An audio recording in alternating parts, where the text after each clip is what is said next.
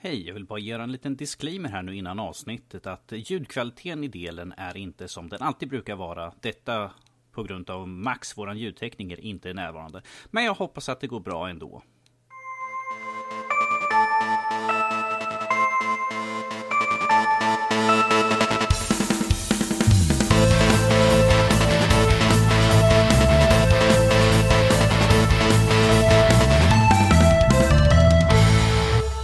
Hej och välkomna till Nördliv, en podcast om spel och nörderi av alla de slag.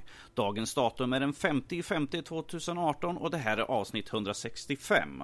Det var 165, yes det var 165. Bra, då är vi redo att köra helt enkelt.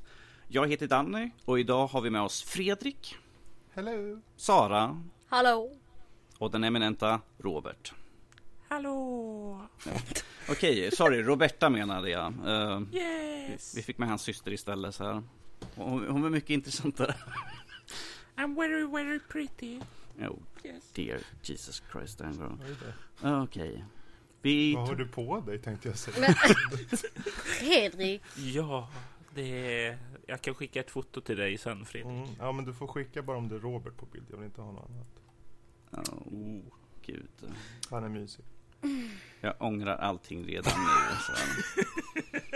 ska vi ta om det här eller? Nej, jag, jag, de får fan stå ut med det här. Åh, Vi. I dagens avsnitt så kommer vi, Robert prata lite grann om Choices, ett mobilspel. Jag kommer prata lite kort om Rise of the Tomb Raider som jag har tagit med an efter lång tid. Vi kommer ha lite nyheter om eh, DCs nya streamingservice, Nintendos nya president och veckans diskussion här är Backlog. Varför får vi en sådan? Och lite extra där och höra hur Sara, vilken backlog hon har. Och sen på övriga nördämnen så kommer Sara prata om case files. Och såklart lite lyssnarmail. Men om vi går tillbaka till eh, Robert, vad hade du på dig nu igen? Hur var det nu?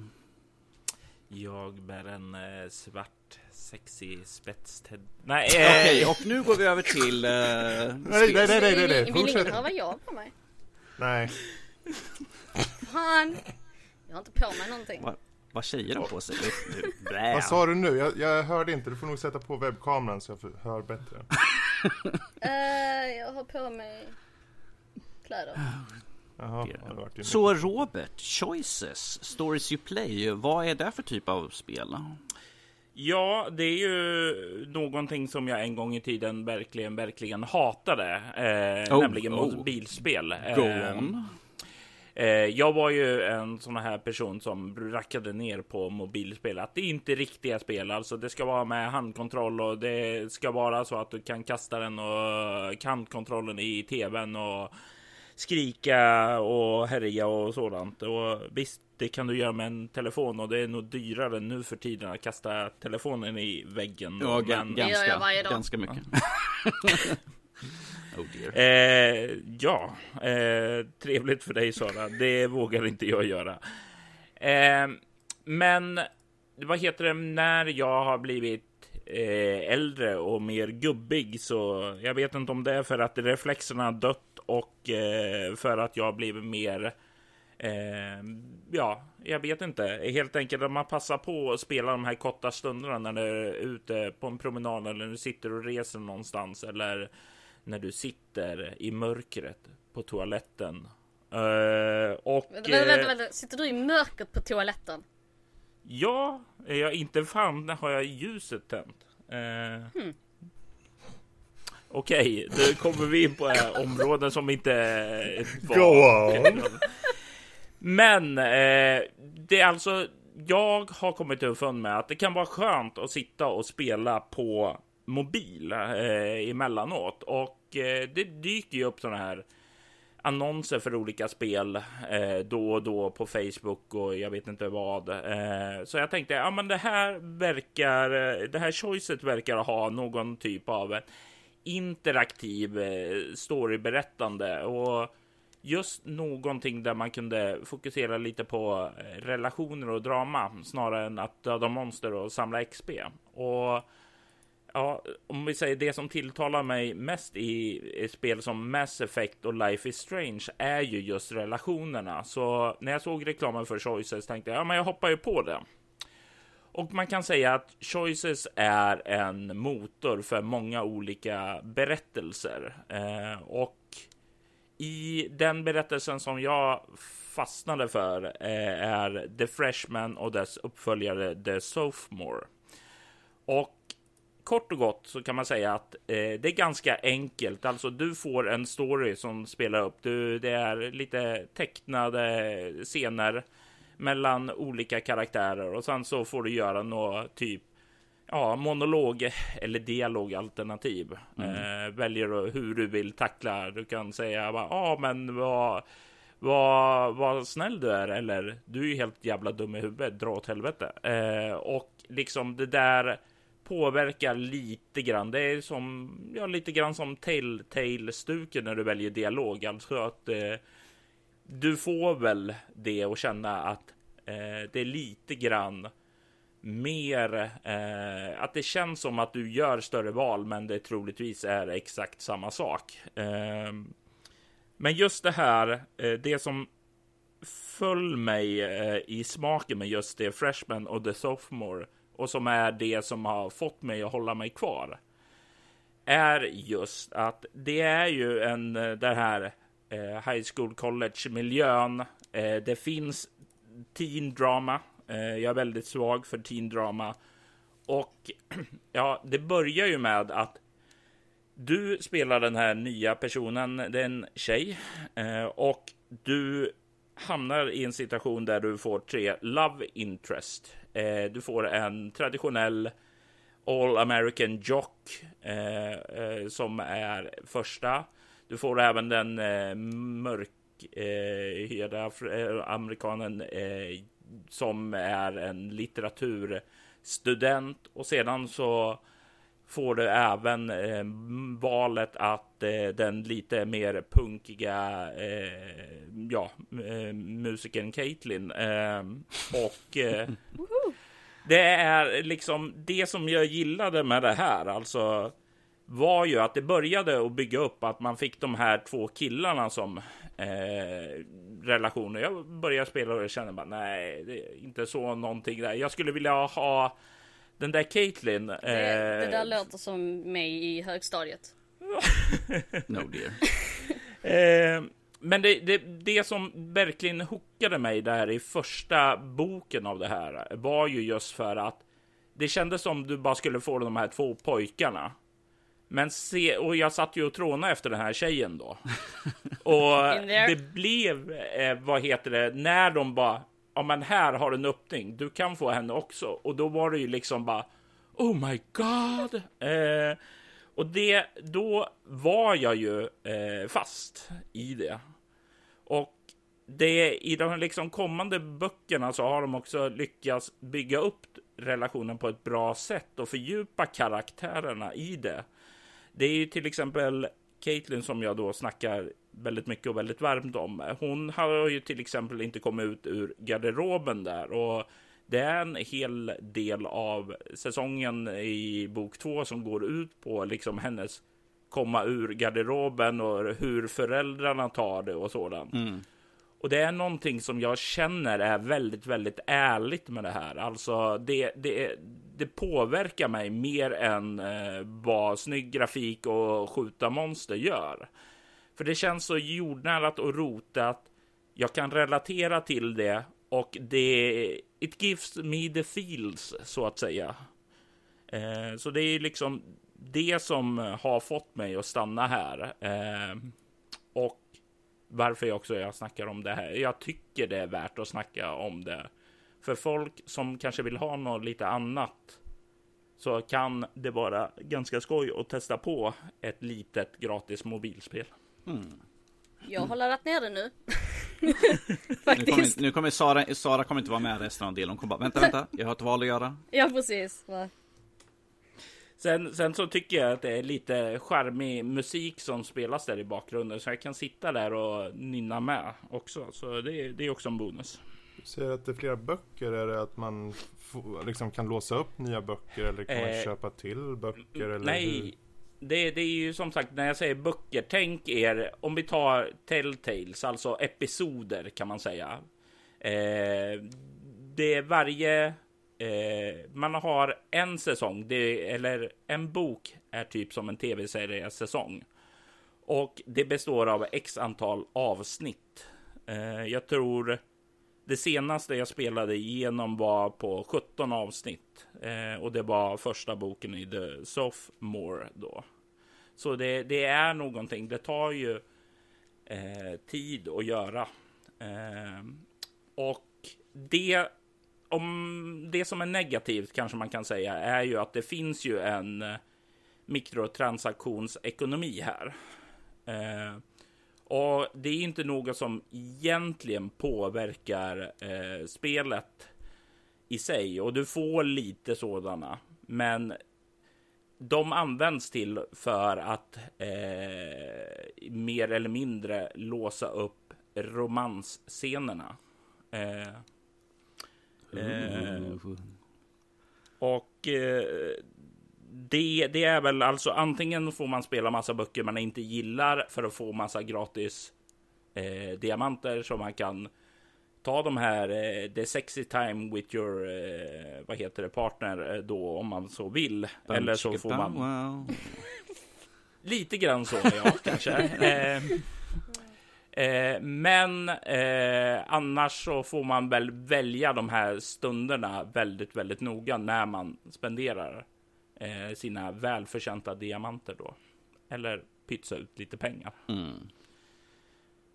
Eh, och eh, så, så att säga, det är, tycker det är någonting väldigt, väldigt värt att spana in i alla fall. Gör Det som Sara. Jag tycker det är jättekul att du tar upp en mobilspel för det, det är så många som bara, ja men det finns aldrig något bra spel och så. Men det är ett sånt tydligt exempel på att det finns faktiskt utvecklare med eh, liksom intention att göra ett intressant spel, en story eh, i, för det mobila liksom. Mm. Så eh, ja, det är jättekul att höra ändå tycker jag. Sweet. Där har ni en rekommendation i alla fall och Sara hon sitter väl och spelar för fullt just nu. Hur går det Sara? Har du Eh, jag vet vad jag ska ännu? göra när jag sitter naken på toa ikväll. Vin i handen, naken på toa. Spel. Okej, att känna till snabbt går vidare. Uh, ifrån Och sitter och korkar upp. Eh, eh, Oh dear. Så jag, jag, jag tar och struntar er och tänkte prata lite grann om Rise of the Tomb Raider. Eh, jag hade ett intressant sätt hur jag införskaffade det här spelet. För jag, eh, jag kör på Xbox One såklart. Um, och jag såg att de hade en rea i förra veckan för uh, Tomb Raider. Och jag bara, ja men se ifall det finns något intressant. Så jag såg jag bara, oh, de har den här Rise of Tomb Raider 20 Years Celebration på rea sådär, för typ 75 spänn och sånt där. Jag bara, jag äger inte spelet. Jag vill ha spelet och spela det. Jag köper i förebyggande syfte. Det är liksom det mest idiotiska. Man köper liksom en sån här season pass och DLC innan man ens äger spelet. Vilket jag införskaffade typ någon dag senare.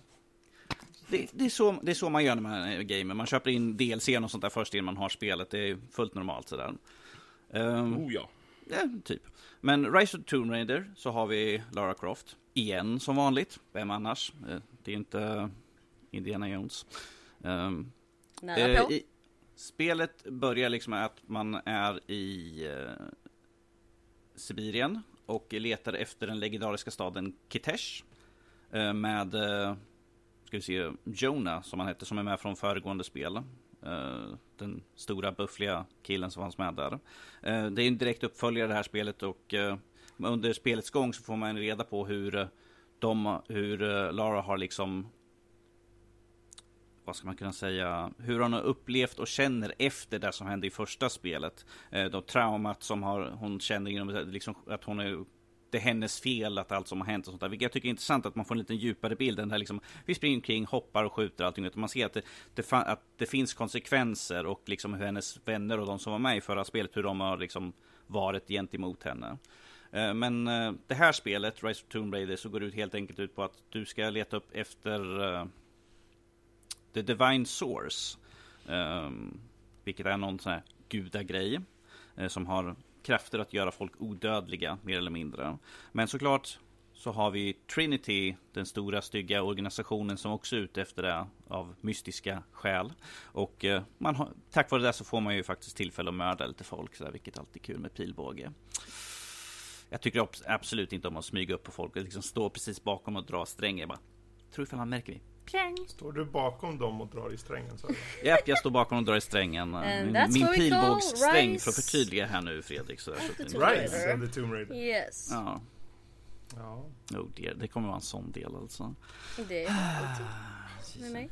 Jag kan inte, alltså för att om jag går tillbaka till det här med att du köpte liksom DLC och sånt i förväg så tycker jag ändå det här är ett bra exempel på på just spel. Du har ju sett, du har hört mycket, jag menar det, vad är det, två, snart tre år sedan Det är kom tre år sedan det släpptes. Eh, och du, mer eller mindre vet ju att du kommer få en bra eh, en bra spelstund, så varför inte slå till på delserna i förväg? Precis, liksom? och speciellt nu när vi fick utannonserat så också eh, Shadow of the Tomb Raider som kommer i september här ju. Så jag bara, Mm. ska nog spela tvåan innan trean kommer så. Precis. Eh, Men eh, det, det är bra gameplay. eh, Det, är ju- det, det är ju sån här typ av spel. Springa omkring, hitta massa hemligheter och sånt där. Och det är väldigt mycket, mycket roliga sidouppdrag man kan göra. Det är inte bara den här springa och hämta saker. Utan det, man, men det känns som man gör någonting för att man är i en stor dalgång med ett folk som har bott där. Som är beskyddare till hemligheten så att säga. Och man... Eh, kommer och de försöker försvara sig och de har typ pilbågar och sånt där och kanske några vapen som har funnits kvar sedan ryssarna försökte invadera där. Eh, spela spel så får ni reda på det. Eh, så, men det känns liksom som man hjälper dem bara. Vi behöver det här för att kunna bygga upp försvar och sånt där. Man får springa omkring och samla och de bara tackar och sådär. Och man ser liksom att det händer saker i dalen. Eh, jag tycker det är bra, bra dialog och karaktärerna som finns med i spelet. Eh, man känner för dem att de, de lever liksom ett, har levt ett isolerat liv och sen kommer det folk liksom försöker invadera och sånt där. Och, mm, för man kan ju prata med massa NPC och de berättar lite grann om deras dalgång, hur de har levat och sånt där. Så jag, jag tycker det är ett intressant koncept liksom att ha med det. Även för att det kommer vara, ah, ja, det, där är skurkarna, gå och gör någonting åt det. Och de, i början av spel så litar de inte på en. De bara, ah, du är ju här med att vi vet inte riktigt för lite. Och sen när man har faktiskt hjälpt till och eh, avvärja attacker och sånt där. De, de, så ändrar de liksom hur de ser på Lara i, under spelets gång och litar mer på henne. Eh, väldigt bra spel. Eh, En sak som jag tycker en sak som det första spelet fick väldigt mycket kritik för var ju att de här eh, optional tombs som fanns var Yes. ganska små och kassa. Det, i, i, till det här spelet så har de ju verkligen levlat upp sina skills De, i har- att de har biffat tombs. till det och väldigt många av de här optional tombs är sånt som man får vänta en bra, bra bit in i spelet innan man, för att man, det kräver att man kanske har speciella verktyg eller något sånt där. Eh, som till exempel nu fick jag en, eh, en eh, vad, ska man säga, en uh, breeder eh, så jag, jag kan simma under vatten utan att drunkna efter typ 10 meter. Så att, och nu är jag tillbaka och tar mig sådana andra tombs eh, som man inte har kunnat. Eh. Så jag tycker det- det är kul liksom att det ger liksom att det blir lite backtracking tillbaka till de andra ställena och sånt där. Men att då får man ju något nytt man kan göra i spelet. Ifall man inte vill springa bara rakt vidare i huvudstoryn. Och pl- Mm. plus att i varje, i nästan de flesta utav Tombs så finns det något verktyg eller något sånt där. Eller en förmåga som gör att man blir bättre i gameplayet. Så att det finns ju fördelar att ta sig an dem. Det är inte bara liksom så här, ja ah, men du fick en, en treasure. Utan det här får du faktiskt saker du kan ha nytta utav under spelets gång. Så det är ju en incentive att eh, man ska ta sig an dem. Mm. Absolut, absolut. Mm. Jag tänkte, bara, bara så folk vet, vad, vad är skillnaden på om man köper den här 20 year celebration? Eh, uh, 20 year celebration, du får med uh, Du får ju med season pass och alla dess DLC. Uh, eh, du får ju också Det är ju några specialuppdrag som är bara för, bara för just den. Du får ju såklart alla de här Något vapen och massa kläder och sånt.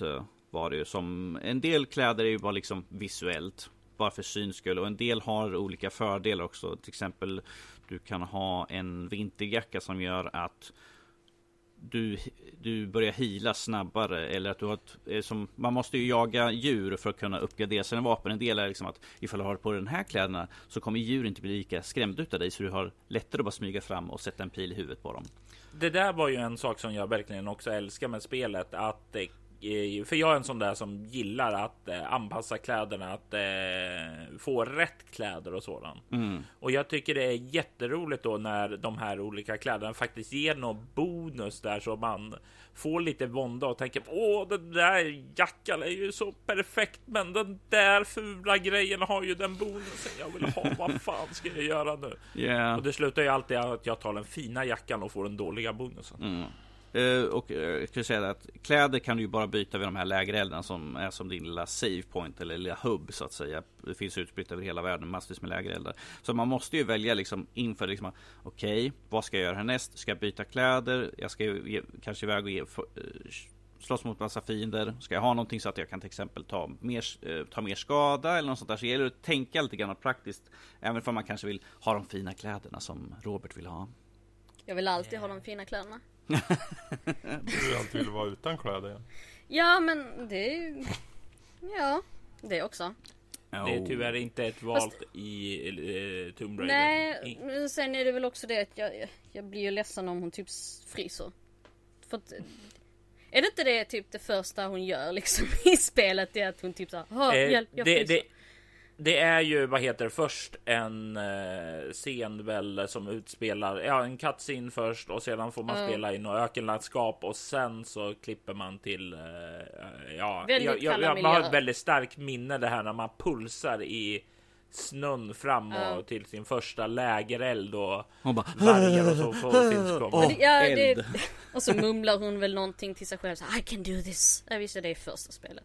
Det första spelet borde heta I can do this. Ja, precis. Faktiskt. Tomb Raider, I can do this. Yes. Men jag, you jag, can do it!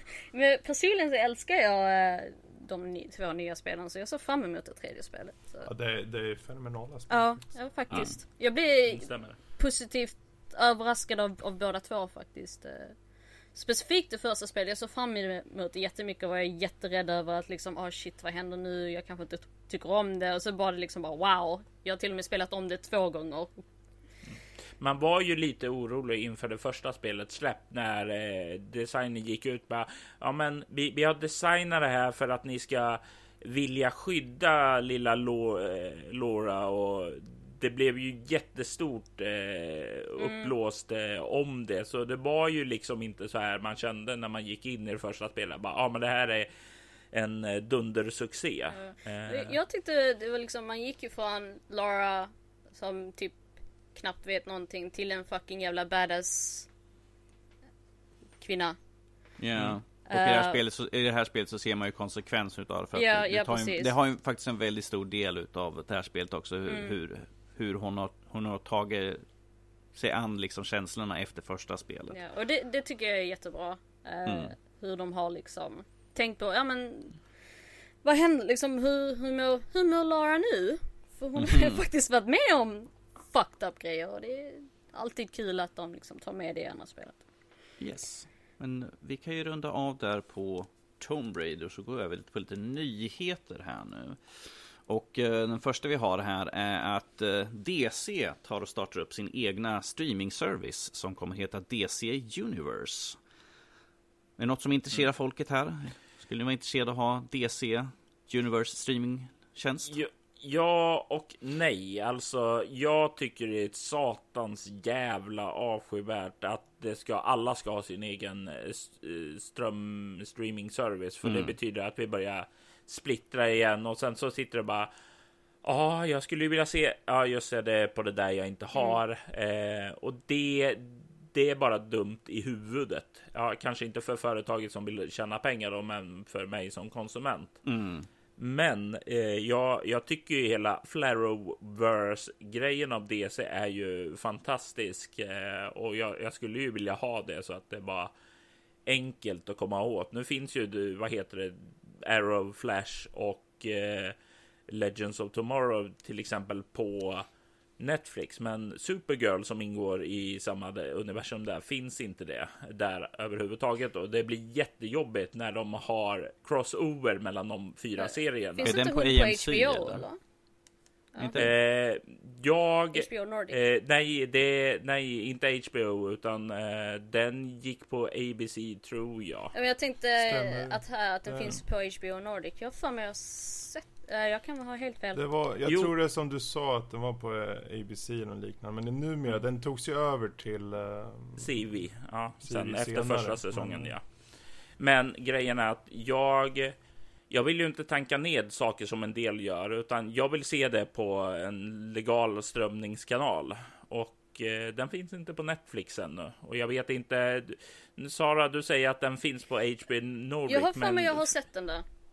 Men finns eh, de andra serierna, Flash och Arrow och alla de där? Uh, det tror jag inte. Jag tror Netflix har i alla fall Netflix, Netflix ja. Sverige har nog rättigheterna till, till Arrow. Men jag kan ju helt fel, ja. jag har inte kollat på HBO men jag eh, på länge. Och men... jag är, nej, men och jag är rätt säker på att Legends of Tomorrow är en sån där som är öronmärkt till Netflix mm. också. Och det, då kommer vi tillbaka till det här att det är så spridd över alla olika kanaler och det är det jag ogillar. Så jag, jag är positiv till serierna, men inte till tjänsten i sig. Mm. Du splittrar ju liksom publiken liksom. Vilken ska vi betala för den här månaden för att kunna se? Jag bara tänker. Finns det, alltså jag har hört att väldigt många tycker om i alla fall Flash och Arrow. Jag har inte sett dem själv. Uh, men jag bara tänker, finns det liksom nog med serier och sånt för att hålla, om, hålla om vi säger så här att de, de, kommer ju ta, de kommer ju ta alla sina gamla serier, alla anime, de har ju massvis med animerade serier, ah, DC och sånt. Ja, så det kommer ju vara allting som de har haft som kommer de ju lägga in. Det kommer vara nytt, gammalt och sen nya exklusiva. Uh, de skulle ju ha den här, uh, vad heter den Fredrik? Uh, den nya. Titans och Swamp Thing. Precis. Som är live action och sen kommer Young Justice, Outsiders och Harley Quinn som animerade serier. Mm. Mm. Och sen utöver det så har du ju då eh, Arrow, Flash, eh, Legends of Tomorrow, Black Lightning. Eh, du har, eh, vad heter det? Supergirl. Alltså det finns Gotham också. Det, alltså det, det finns väldigt många mm. DC-serier som löper nu och lägger man till då allt det gamla plus eh, alla animerade. Så det, det mm. finns ju att ta av där. Det, de Precis. har ju väldigt, väldigt mycket. Så. Jag tror det potentialen är ju, jag, jag, tänker om man ser lite längre fram i tiden. För just det här som du säger Robert, med att det blir så jävla splittrat, det håller jag verkligen med om. Mm. jag tror att vad vi kommer se nu, för Disney är ju på väg att skapa en egen uh, streaming service. och nu, och nu uh, DC. ja, det som vi ser uh, hända just nu kommer ge konsekvenser sen. För det är självklart kommer ungefär som en tv-kanal var i början så fick du ha till exempel, du hade ett, trean och femman och sådana här ditten och datten och du fick ta paket. Jag tror vi kommer se paketlösningar komma allt eftersom, men du behöver ha fler streamingtjänster för att nå dit. Och jag tror det, det, det som är både irriterande men också bra är att ju fler som kommer desto snabbare kommer vi till paketlösningarna. För jag tror att just DC Universe eh, det här är ju de de har börjat med. De börjar med Teen Titans och Swamp Thing på live action. Eh, och sen har de backlog med massor med sköna serier. Eh, som förvisso är licensierad ut till andra, så du kan se dem på andra. Eh, men i slutändan kommer de kunna producera nya serier. Jag menar, de har eh, Metropolis, en serie som kommer som handlar om Lois Lane och Lex Luthor. Eh, och de kommer förmodligen utöka allt eftersom. Så vad det egentligen innebär i slutändan att vi kommer ha om x antal år så här många streamingtjänster med massor med bra content som vi i paketlösningar förhoppningsvis kan välja och vraka lite. Jag skulle kunna tänka mig, för jag ärligt talat, jag tittar aldrig på TV, jag tittar på streamat. Ja, och om jag kan välja en paketlösning kan jag välja, men jag vill bara ha Disneys eh, Disney och DC Universe och eh, Netflix till exempel. Så kan man få det. Och då, jag tror, om de bygger upp en bra bas så kommer de dra till sig jävligt mycket folk alltså. Uh, men om det skälper, jag menar vad fan väljer de Swamp Thing för? Men, men Av ni, alla karaktärer! Tror ni, det, tror ni vi någonsin kommer få se Marvel Universe då? Eller något liknande? Ja men det är ju på G. Det, Disney, aha, har ju, Disney har ju dem och de kommer ju med säkerhet föra både det ena och andra på, på Ja, jag har ju förträngt att det är just Disney som håller i det. För... Ja, jo, det är lätt att glömma. jag tycker Disney är lite um, som tv-bolagens, eller tv-filmbolagens EA. Mm. Oh, Jesus, Just wow. nu, tycker jag. Liksom allt de tar vi, dödar vi. Alltså, Ja, jag håller jag väl inte riktigt med dig där. Jag tycker ja, att de, vad de kan... gör, att de ger bra, bra kvalitativ underhållning. Sen ja. kan vissa saker vara väldigt same same kanske så, men ja, det är vill... en väldigt hög lägstanivå i regel. Jag, jag bara tycker det finns en viss nivå i, i Disney content som jag tycker är lite mer så ja men som sagt det här ska vara underhållning. Jag tycker det är inte lika seriöst längre. Alltså jag, jag gillar att se på någonting som är mer liksom, har en seriös melankolisk ton kanske. Och det, mm. det är väl därför ja, jag gillar Jessica Jones. ja, det, det, det, det, är väl en konsekvens i sig, det kan jag förstå. Mm. För Jessica Disney Jones har ju... är ju Disney så, just saying. Jag menar Lion King, de pikade med Lion King. mm. Allting som hamnar direkt under Disneys flagga kommer ju filtreras igenom för House of Mouse har ju en image och det kommer, kommer reflekteras i de serier som de gör. Allting som licensieras ut, som den som du sa Jessica Jones, som ligger direkt under Netflix, mm. det får mm. Netflix tillåtelse att göra i den mån de kan, så länge de håller sig inom serien eller Marvels. Eh, för mm. Marvel har eget, äh, eget äh, styre ja. under Disney. Men äh, den tiden som uh, Jessica Jones licensen löper ut, vilket förmodligen kommer komma att hända, då kommer det gå till uh, Disney och jag tror definitivt de skulle skälpa den. Ja, och det, ja. Fast det kommer det, säsong tre. Det, var ju, yes. det var ju spekulationer om det att Netflix eh, kommer nu när det var ju precis när det här blev aktuellt att de skulle ha sin egen mm. streamingtjänst att Netflix intresse direkt då för deras Marvel satsningar. Det blir ju så här bara, kommer de att ens vilja försöka hålla igång det här nu? Ja, eh, alltså det, det vara värt det? De vill nog, problemet är att de inte kan, för det är kontraktuellt en viss tid på dem. Ja, men det är just det, men då, då hamnar de, för då går det ju fram till förhandlingar.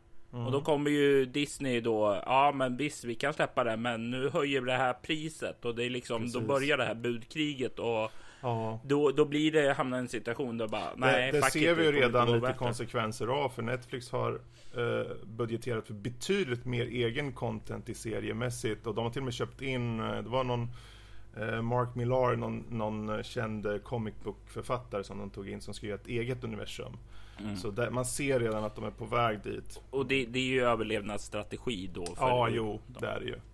Där man däremot kan säga att förmodligen, säg att Jessica Jones ändå överlever för det finns mm. underbolag hos Disney och de, de, de har vissa som ändå kan Absolut. ha mörk ton.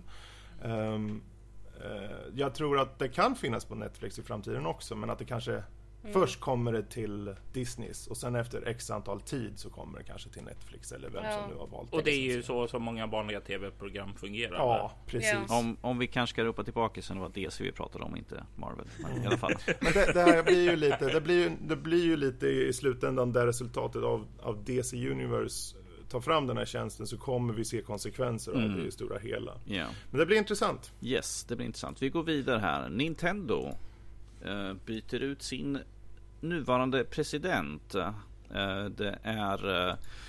Åh eh, oh, gud. Ska vi försöka... Kishim, eh, Tatsumi Kishima. Kimishima. Som har suttit bara i två år nu. Mm. Efter att... Den sorgliga bortgången. Precis, gick bort. Precis. Han, blir nu, han blir nu ersatt utav Shuntaro Furukawa. Eh, som mm. bara är 46 år så det blir en föryngring här i det är, mer, det är väl mer den anledningen varför vi tagit upp det att vi kommer se nu föryngring i, i uh, bolaget. Vad Fredrik var det så att uh, han som hade suttit nu han var den sjätte presidenten som hade suttit? Um, ja, det, han ska vara den sjätte efter tre generationer då. Ja. Men, och det här, är, det här är under 128 år.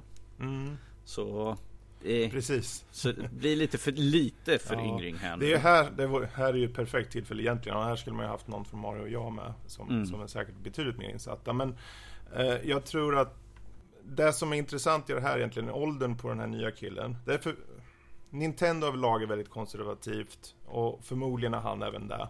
Men att han kommer från att ha suttit i styrelsen för Nintendo och Pokémon Company, eh, vilket vi säkert får Pokémon-spel nu senare i år, skulle inte jag eh, tror jag allt för omöjligt. Mm. Eh, jag tror att förhopp alltså förhoppningen är ju att det kommer göra att den här personen har lite mer insyn i hur dagens Youtuber, Twitch, eh, content con eh, creator och så vidare och överlag hur, hur det känns och hur det är liksom på den fronten. Att du kanske får en bra online-tjänst. Att du får att det liksom kommer lite mer, för de har haft en del försök på mobilmarknaden mm. och lite så här och så vidare. Och de kommer introducera en online-tjänst nu i höst som är betaltjänst. Hur den ser ut vet ingen riktigt än. Eh, förhoppningsvis så kommer det här leda till att eh, allting blir betydligt mer eh, vad ska man säga, 2018 på. Istället för 1915. Ja, eller, ja, precis. För de har varit väldigt bakåt i, i teknologin på vissa saker. Um, så det, ja, ja, jag tror att det kan ge en bra konsekvens på, på, på Nintendo överlag. Jag hoppas det i alla fall. Um, um, så ja. det, det, är väl det man kan säga om det. Mm. Det är ju en stor grej ändå för att nu, nu blir det en ny kille och han är en av de, eh, om inte den yngsta som någonsin har suttit. Förhoppningsvis så betyder det något ja. Och eh, chefen för eh, Nintendo Europa, eh, mm. Shibata, kommer ju också bli utbytt då ju. Precis. Så det, det, de rör om lite grann i grytan. Det kan ju bli intressant att se vad vi får utav det. Som du sa, ja. vi hoppas att vi blir lite för, som det blir lite föryngring, att vi kanske får lite mer 2018 stuk i ja. själva businessen. Um, Precis. De har ju ändå varit ganska fräscha på det sättet. Jag menar, se nu den här eh, Kimishima han eh, var ändå med i den här senaste perioden bara på två och en halv år med Nintendo Switchen och så, även om han kanske inte var den som på riktigt startade, utan det var nog Iwata mm. tidigare. Men eh, att roda i land och, och, ändå ha en bra pejl på liksom att våga göra den. De kunde lika gärna ha gått ett helt annat spår.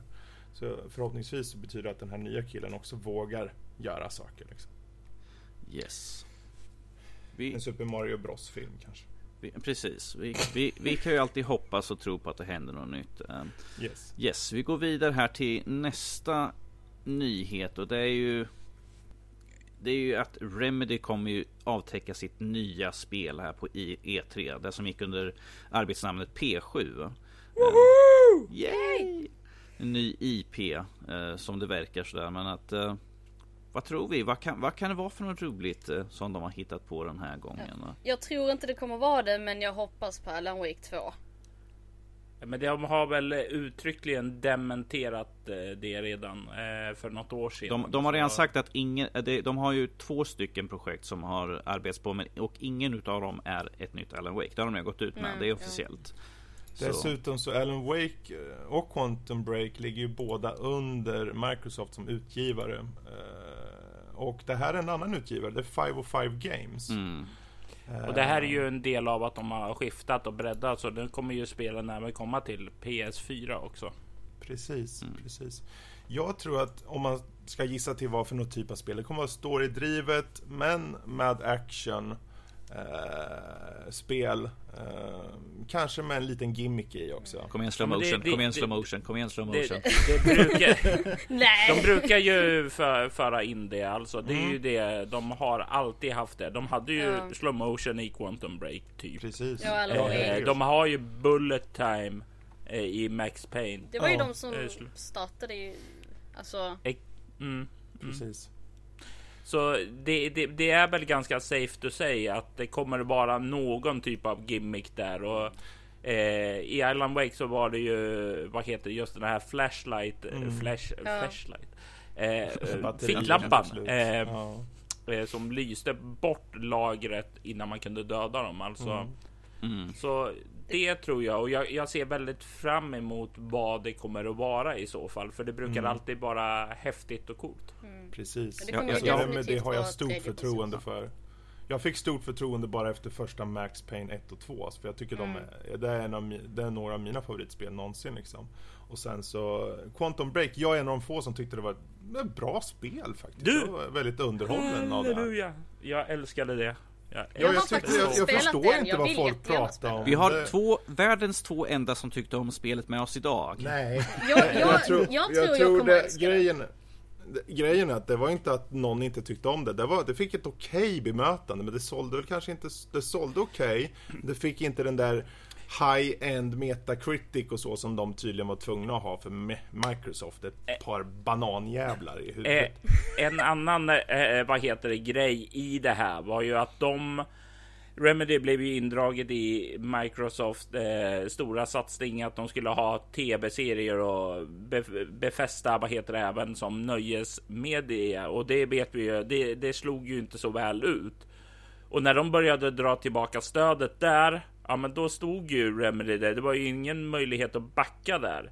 Nu tyckte mm. jag personligen att just det här. Eh, jag tyckte det funkar jättebra. Det tyckte jag också. Det bara fungerade Övergångarna var jättesmidiga och det var involverande och du kunde välja själv lite och så. Det var ett, mm. Jag tyckte det här vill jag se en tvåa av på E3 i år kan jag säga. Ja, det, det, jag kan bara instämma och jag, just det här med att eh, sättet du spelar, du kunde ju påverka detaljer dessutom i tv-serierna och jag tycker det här var ett jättebra första steg för att leka mellan över mediegränserna. Så det hade jag också velat se mer av. Men det här var ju någonting som eh, också många gapade om och bara ah, men det här är så töntigt och det är inte Call of Duty 15. Uh, det är inte Fifa. Det, jag förstår inte. Vad är det här? En tv-serie ja. eller ett spel? Jag tror nog egentligen det, det värsta med just Quantum Break, om man ska bara ta det lite snabbt, är ju att det var ju mycket tekniska problem, särskilt på Windows-sidan. Så jag tror ja. det tyngde ner mycket. Spelet fick ganska bra kritik ändå. Mm. Men om vi ska återgå till det här, det är ju som de skriver då, ett filmiskt actionspel i tredjepersonsvy eh, utspelas i en Remedy-skapad värld. Så det är kul att de kommer med ett nytt IP. Jag bara, jag, det blir jättebra oavsett tror jag. Jag, jag hoppas, jag, jag hoppas att de bibehåller deras ganska någorlunda så här mörka ton som de har på spelen ändå i alla mm. fall. Men det, det tror jag de men... kommer göra för att det är ju liksom deras Signum. Ja. ja alltså... Men tänk, tänk er så här. Remedy är finnar. Mm. Vad fan ja, finns precis. det vara glad över i Finland? Ja precis. Nej men de bastu, vodka och Aj, eh, kaffe. kaffe. Mm. Eh, oh dear. Att, eh, för Mina favoritfinnar nästan. Mm. Mm. Absolut, absolut. Nästan. Alltså jag nästan. älskar Remedy. Jag, mm. snälla, jag är, jättele mm. jag är jätteledsen. Jätteglad över att eh, de kommer med ett nytt spel men samtidigt jätteledsen över att det inte kommer vara Alan Wake 2. Ge det till tåls. Det kommer en vacker dag. Yes, vi, vi, tar den sista lilla nyheten vi har här för dagen. Att Samsung, SK, Hynix och Micron stäms för kartellbildning. Och det här är i USA de stäms. Och de, de gör DRAM innen. Och de har stäms nu av USA för att det verkar som de har fufflat lite grann med böckerna och lekt lite grann kartell. Fredrik, du som är lite mer, ja, det är din alltså avdelning det, där. Det enda egentligen intressanta här är om de faktiskt vad de har lyckats med. De har ju stått för cirka 96% av ram eller DRAM tillverkningen. Och folk bara hmm, det går ju väldigt bra för de här. Eh, de har höjt sina priser på två år med typ 130% liksom. Eh, och eh, uppenbarligen så, så, är det ju så att det här går inte riktigt rätt till. För hade de mot förmodan inte varit, eller till synes en kartell, så skulle de ha arbetat mot varandra och istället gjort det motsatta, det vill säga fått ner priserna. Mm. Som det har gått fram till typ två, tre år sedan någonting. Så jag tror att det här, det här är någonting, om det går igenom och de blir fällda så kommer vi förhoppningsvis få eh, en väldigt bra utdelning, inte bara på PC-marknaden utan faktiskt på konsolmarknaden. Särskilt den kommande generationen som inte säkert så långt ifrån nu. Vi kan få se till fördel för oss som konsumenter då att priserna kanske kommer mm. trilla ner i pris. Förutsatt att de kommande eh, generationerna använder det de fortfarande. Men ändå. Precis, eh, det märks. Så det, men det är lite kort där. Yes. Så. Det var ju intressant där, yes. Vi, lite roliga nyheter och sånt där. Men vi hoppar vidare till veckans diskussion, vilket är backlog. Varför får vi en sådan? Hur många spel tar vi oss an i efterhand? Och kommer vi någonsin plocka upp x antal år gamla spel? Ja, har ni en väldigt stor backlog? No comment. Sara, hur ser din backlog ut? Hur många tusen Snälla, spel? berätta hur många spel du har på Steam nu. Uh, tror det är 2500 någonting. Oh dear. Jesus Christ. Det var ju inte så farligt ändå. Okej. Nej, men de flesta är typ såhär gamla typ såhär indie bundles som jag samlade på mig och sen. Jag har inte köpt något spel på Steam på ja, över ett eller två år så jag spelar inte så himla mycket på Steam längre. Men uh, Nej, det ligger Ja. där och samlar de damm. ligger där. Har du några spel som du känner om det här ska jag ta mig an en vacker dag? Är det något du har som har legat länge? Oh ja. Eh, Finns det något särskilt liksom som står ut? Alltså det är en bra fråga, nu fick jag värsta hjärnsläppet här. um, helvete. Live i podcasten Sara Jag kan säga för min del, jag hade ju, vad heter det där, LA Noir. Mm. Ja, Alltså jag, jag köpte, det var, jag vet inte hur länge jag haft det, men det, det är ju sen det kom. Eh, och det har legat, jag har aldrig startat upp det, bara, ja. det, En vacker dag, en vacker dag! Sen kom det till switchen och så recenserade jag där och körde. ja, det, det köpte jag faktiskt när det, när det utannonserades till PC så köpte jag det faktiskt och spelade igenom det. För det, det var ju ett spel som jag verkligen ville spela men som inte hade släppts till PC. Sen var ju porten skitdålig men ja. Det är sånt Man kan inte få allt. Nej Man man, kan inte få få allt. precis. Det var ju samma sak med Alan Wake när det köptes släpptes till PC. Då var jag också där och snappade upp det direkt. Men ehm, ja. Jag, jag tror jag har mer spel liksom till Playstation eller liksom. Jag tänker ju oftast nu nuläget mer konsolsyfte eftersom det är fan bekvämare och slipper liksom tänka på ja men kommer det här köras eller inte. Så ja, men jag har några spel där som jag skulle vilja spela. Men det är ju pinsamt att säga att jag inte har spelat dem. Men det är sånt som händer ibland. För egen del, jag har ju nu Eftersom jag nu mer för tiden kör nästan mest på Xbox One så har jag ju massvis med spel på min 360 som bara ligger och samlar damm. Eh, Spel, spel som är oöppnade och spel som eh, halvspelade som det är liksom en, som, eh, det, här, det här är nog den vanligaste meningen jag och Fredrik säger, brukar säga till varandra. Så, här, en vacker dag ska du ta mig an det här spelet. en vacker dag så kommer jag spela klart Assassin's Creed 2. Ja, precis. Det borde du göra. Det är ett fantastiskt fint spel. Jag har, jag, har, jag har ett par Assassin's Creed-spel som ligger och typ dammar. Jag, jag vill jättegärna spela klart dem. Eh, De andra kan du skita i, men just tvåan, det är fantastiskt. För ifall du inte spelar klart tvåan får du inte spela Origins. Alltså jag har ju börjat på tvåan, det var det att jag kommer inte ihåg någonting längre. Jag vet att han heter Ezio Leonardo da Vinci. Eller nej, vad heter han? Jo, Ezio. Leonardo da Vinci. Ezio Leonardo da Vinci. oh dear. Ja. Eh, Men jag är bara nyfiken, va- varför tror ni man får en sån backlog? Är det inte, egentligen, skulle man inte köpa ett spel och sen kör man bara det spelet? Eh, Sen- det, Sägs. grej, gre, grejen är ju att eh, because shiny, eh, det, Mm. när man var liten så hade man inga pengar. Mm. Och då, då var man tvungen att spela det spelet man hade. Nu eh, delvis så får du ju tag i väldigt mycket mer spel bara om du har en sån här prenumeration på Playstation eller Xbox. Eh, så får du, vad heter det, nya gratisspel varje månad. Så du kan bygga på ett stort utan att direkt att spendera mycket pengar. Men sen så kommer det nya spel och då blir det liksom, ja, men jag ska ha det senaste nya. Och i en värld där vi dessutom har många multiplayer-spel så gäller det att, att eh, ja, du kan inte komma två år efteråt och säga ja, ah, nu är jag redo, nu vill jag hoppa på det här. Ja, men då sitter alla bara, ja, men det där har vi slutat spela för ett år sedan. Du, eh, och då sitter man där själv. Så jag, jag känner mig att eh, i och med att det är digitalt, eh, det är tillgängligt och sen så alla de här jäkla salesen som är konstant. Att man bara, ja men det här är billigt, jag köper det nu och sen så, så spelar jag väl det när jag är klar med det jag håller på med nu. Och så glömmer man bort att man har köpt ett par spel. För att det kommer ett nytt helt plötsligt som man bara, nej men det här, det här måste jag spela. Så jag Ja, tror ja, att det, ja. det är enkelt att samla på sig Mm. spel. Lätt hänt. Jag, jag kan ju bara ta bara, bara i år liksom hur min backlog har eh, ökats på. Eh, dels för att jag köpt några spel själva, men dels för att det har varit väldigt mycket recensioner.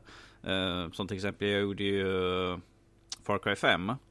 Och så eh, spelade en bra bit i spelet. spel, sen var det liksom, jag bara, ah, men det här var riktigt kul, jag ska nog köra klart det. Sen var det liksom, aha, Ja, um, ja okej. Okay. Ja, ja, Ska ska göra den här recensionen? Ja, ja okej, okay, sure. Jag, jag, jag, tar den. Sen liksom, ja men jag klarar den här recensionen. Du kan hoppa tillbaka till, till, till Far Cry igen sådär. Och var det, ah, Ja, just det. Jag hade ju frågat efter det här spelet också. Ja, men jag får ta den andra. Ja, men Max Payne. Ja, jag kan spela en dag tills jag får den där koden. Och sen fortsätter det sådär. Så, och sen så skaffade jag ju Tomb Raider och nu sitter jag på det istället. Och jag har köpt in Wolfenstein 2 som också bara ligger och väntar. Det, det, det här är ju inte alla sen som... har du ju som sagt alla gamla 360-spel. All... Oh, gud.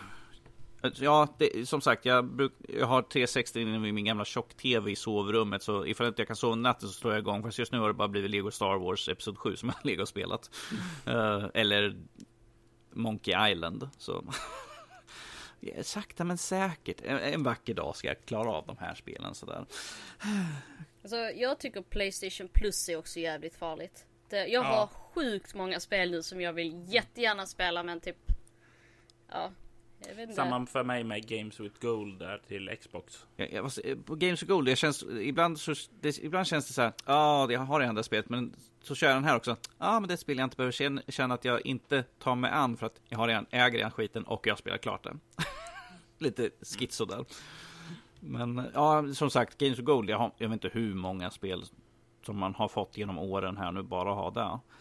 Um, och sen de två tillfällena som man faktiskt köper. Far Cry 5 köpte, köpte jag ju själv. Uh, uh, så jag kände liksom att ja, men det har betalat dyra pengar för den här. Det är inte att jag har fått en recensionskod eller något sånt utan jag har, jag har köpt den för dyra pengar. Nu ska jag faktiskt sätta mig och ta den. Och så kommer allt annat emellan. Men att 360, jag har, jag har gamla, jag har min PS2 stående som jag, jag bara, som jag började för, jag tror ett eller två år sedan som jag började köra lite grann på lite gamla spel och sen har allt annat kommit i vägen. Jag bara, men de här är kul, jag ska nog en vacker dag sätta mig och spela klart dem också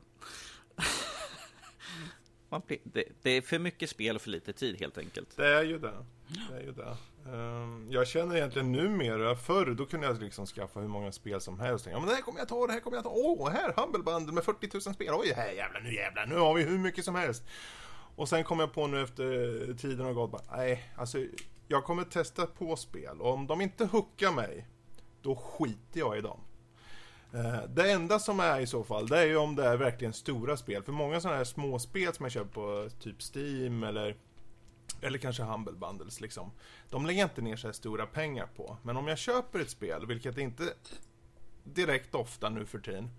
Ehm, då banne ska jag köra den där skiten. På en gång. För om jag, jag vet med mig själv, om jag inte tar med anden på en gång. Då riskerar jag att bli så här, ja ah, men jag kör den Sen. Jag känner till hösten. um, sen kommer hösten och bara, ja, jag kan väl vänta till jul. Det är ju perfekt vid jul. Och sen blir det lite sådär att man skjuter upp det och sen eh, är det bara, åh, ja, ja, men nu kommer uppföljaren så. Ja, jo. det är som jag med Tomb Raider här, liksom, att jag kör tvåan nu för mm. inför trean som komma skall. Mm. Uh. Ja, sen har jag på något sätt också kommit fram till hos mig själv liksom att alltså jag vet ju att jag har många av de här gamla spelen och mm. på ett sätt så är jag glad att jag köpte dem för jag, vissa av spelen är jag bara glad, ja men jag köper det bara för att jag vill hjälpa den här studion. Sen om det inte är mycket pengar eller inte Han köper, han köper bara EA-spel kan jag berätta. Uh, ja visst. Och massa, massa, massa lootboxes och sånt. Bara lootbox. men uh, nu tappar jag bort vad jag ville säga för det. Yes. Något var det. Det var säkert jättesmart. Jag, jag hade för några år sedan ett litet eh, projekt eh, åt en annan hemsida eh, mm. där jag eh, hade en liten artikelserie som hette Skämshögen. Ja, just det. Och eh, där var själva grunden att okej, okay, jag köper inte ett nytt spel förrän jag har klarat ett av de gamla som mm. jag hade här. Mm. Och sen så skrev jag lite kort om eh, ja, det spelet jag klarade och det nya spelet jag köpte och ställde dem emot varandra. Mm. Och vilken vad heter det som var bäst och sådant. Och mm. oftast var det ju det nya spelet då, men inte alltid. Och det höll väl eh, sådär typ 10 spel in tror jag. Eh, sedan så blev det bara pff, eh, här eh, sa en kompis. Jag vill sälja av de här spelen. Eh, vill du köpa dem? Och då blev det, ja visst fan. Eh, och där sprack det. Ja, eh, Så det, det är ofta att jag, jag, jag, brukar jämföra det mot de här Steam-reorna. Det, det är liksom det maler ner den. Eh, mm. Viljekraften försvinner och du är fast i deras Precis. grepp. Ja, så är det. Och sen tror jag också om man, om man ser till backlog överlag. Idag konsumerar man, skulle jag, jag gissar nu bara, eller ty, vad jag tycker. Eh, det känns som att man konsumerar spel på ett helt annat sätt än man gjorde för typ 15-20 år sedan liksom. Jag tror inte det behöver gå så långt tillbaka nej, det kanske, nej, men det känns som att man idag liksom, du, ett spel är hett under kanske en månad, två, högst tre. Mm. Sen är det inte bara förbi i multiplayer-sätt utan förbi singel och det liksom Det kommer hela tiden det stora nya och precis som du sa Robert Oh, shiny! Här kommer det nya, den här och här kommer den här och så kommer E3 och berättar om det här spelet som kommer i höst och man bara Oh! Och då blir man fast där, det blir automatiskt en backlog. Uh, mm. Till viss del på grund av det här kanske. Ja. Uh. Ja, lätt ja. hänt. eh, Ja, jag, jag, tänkte göra som så att vara min eh, vana trogen då, för jag brukar alltid ha med mig en topplista här. Mm. Eh, mm. Och jag har en liten, eh, ja, de topp fem som ligger som jag ska ta tag i min eh, stora skämshög. En vacker dag. Ja, och jag går från det som jag minst vill ta tag i till det jag mest vill ta tag i. Och det här är ju i en gigantisk hög. Okej, okay, jag har inte en Sara stor hög då, men den är inte särskilt liten. Eh, eh, och det femte spelet på listan är Final Fantasy 15. Ja, just det. Eh, jag... Den är också liggandes. eh, det har inte mig. Eh, och det här är ju en genre som jag verkligen, verkligen avskyr. What? Jag, hatar JRPG och jag hatar, nej jag hatar inte men jag ogillar människor som säger ja men det är ett rollspel. Nej, det är ett japanskt rollspel. Sätt det i skamrån. eh, eh, eh, och eh, men, men eh, ja, ja, det är ändå någonting med det. Jag har hört så mycket positiva saker av det här och jag, jag tycker det är en spel alla klankar på. Ja, men Japan kan inte göra rollspel längre. Allting suger. Det är jättedålig speldesign och ni är passé. Men så kom det här spelet och eh, jag såg jättemånga som hade bara tröttnat på Final Fantasy och från att ha älskat det och nu fick en nytändning. Eh, ja, jag tycker det är lite häftigt med att det är något boyband som åker runt och eh, hipstrar sig runt i miljön och slåss mot monster. Eh, det, det, det, är i princip five dudes in a car simulator. Ja, nej men precis. Eller och, four dudes. så, så, det är ju någonting. Alltså, jag vill ta tag i det här och bara se vad fick folk att haja till. Vad var det som var så häftigt i deras ögon som fick dem att vända eh, vad heter det, om deras åsikter om spelserien. Det är också ett spel som jag har. Jag fick det i födelsedagspresent så skulle jag bara installera liksom och fixa allting och sånt där. Sen började jag spela lite grann och sen nu ligger det och samlar damm. Igen. Jag tycker det är definitivt spelvärt faktiskt. Mm. Om vi säger så här Robert, du har i alla fall långt över 100 timmar som du kan avnjuta där. Ah, och, och, ah. och 95 timmar av dem är att du kör runt. Nej, du kör in bil. ja, jo. Mm. På fjärde plats har jag ett spel som jag recenserade eh, på Nördliv, nämligen Soma. Mm. Och eh, ni som läste min recension eh, vet att jag spelar inte klart det här spelet. Eh, inte för att det var dåligt på något sätt, utan för jag kom till en game breaking bugg som jag inte kunde ta mig vidare. Det är en helikopter just nu. Förlåt om det hörs i bakgrunden. De kommer för att ta dig så. Ja precis, de är det på spåren.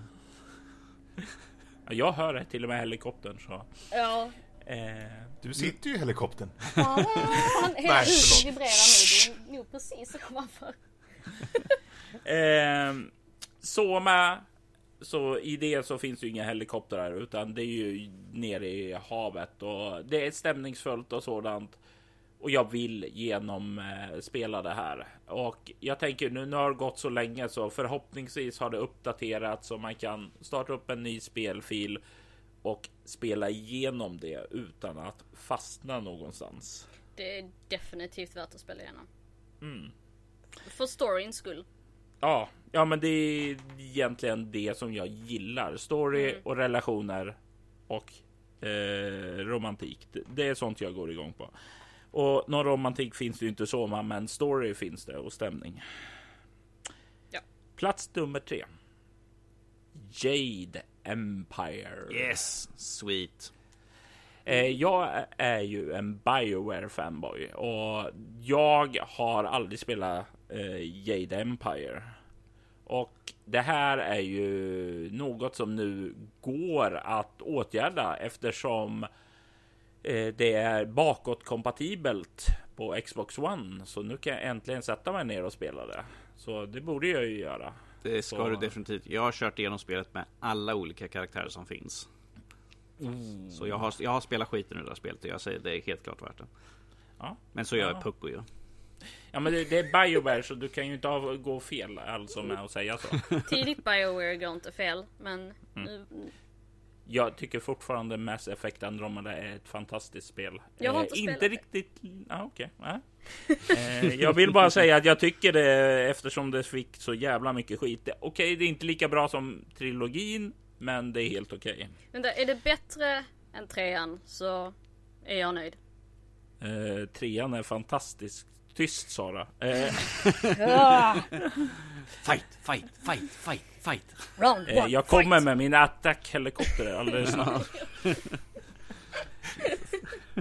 På plats nummer två så har jag ett ganska nytt spel och den här släpptes väl förra året om jag inte minns och jag i min egen podd Spel 223 så spelade jag igenom det första spelet i serien tillsammans med DLC. Jag talar förstås om Outlast eh, och närmare bestämt Outlast Trinity som är det eh, senaste spelet i spelserien. Jag gillar skräckspel. Jag eh, gillar att bli skrämd. Jag vill. Jag, jag vågar inte längre spela skräckspel om nätterna om jag ska försöka sova efteråt. Eh, så det blir väl troligtvis att jag ska dra igenom det här under en, eh, ja, en sommardag. Snart. Nu kommer jag till det här eh, Fredrik resonemangen. Ja, men det är ju sommar snart så då kan jag spela det. Ja, eh, det lovar ju. Det är ljusa, ljusa kvällar i alla fall. Ja, Ja, absolut. just det. Trinity, det är den här samlingsboxen med allt. Ettan, Precis, ettan, med, tvåan och den här expansionen. Exakt, exakt. Eh, så det ska jag spela. Nu har jag kommit så långt att jag i alla fall köpt den så att jag kan spela den också. Ja, läs min recension på tvåan så kan du se att du kan skippa skiten. Ja, ja precis. sådär. Förlåt men. Eh, men eh, jag, jag vet ju att eh, jag inte alltid ska lita blint på er, så jag hoppas att ni har fel vanligt. Don't you Eh. trust me? Eh, no. No. Ehm, överst Mm. Eh, på min lista. Ja. Aliens Colonial Marines. Nej. Men eh, jag, jag har ingen eh, stark kärlek till Alien eller eh, så, så jag skulle nog kunna spela det med stor glädje. Men det är Nej. inte riktigt det som jag känner är det hålet i mitt hjärta som jag saknar direkt. Utan det, det är en fuling. Eh, för det är nämligen ettan och tvåan i en spelserie. Och Är jag det Monkey talar... Island? Nej. Det är Bioshock. Det är... Åh, Monkey Island, jävla Lucas Arts-spel kan jag... Eh, jag talar förstås om Bioware igen. Ja, Fredrik, var det, var det du som sa det Fredrik? Det var Ja, någon som sa Bioware. Bioshock. Nej, det är inte... Han sa Bioware-spel. Bioware. Ja, Bioware-spel. Eh, jag talar nämligen Dragon förstås om Kotor 1 och 2. Jaha. Jag har inte spelat dem eh, Mm. och jag har så många som säger att de är fantastiska. Så, Ja. Eh, Oj. jag, jag är lite orolig att... Ja, eh, de- tiden har ju gått. Mm. Ehm, det är frågan alltså. Det är nästan, jag vet inte om du ska köra dem faktiskt.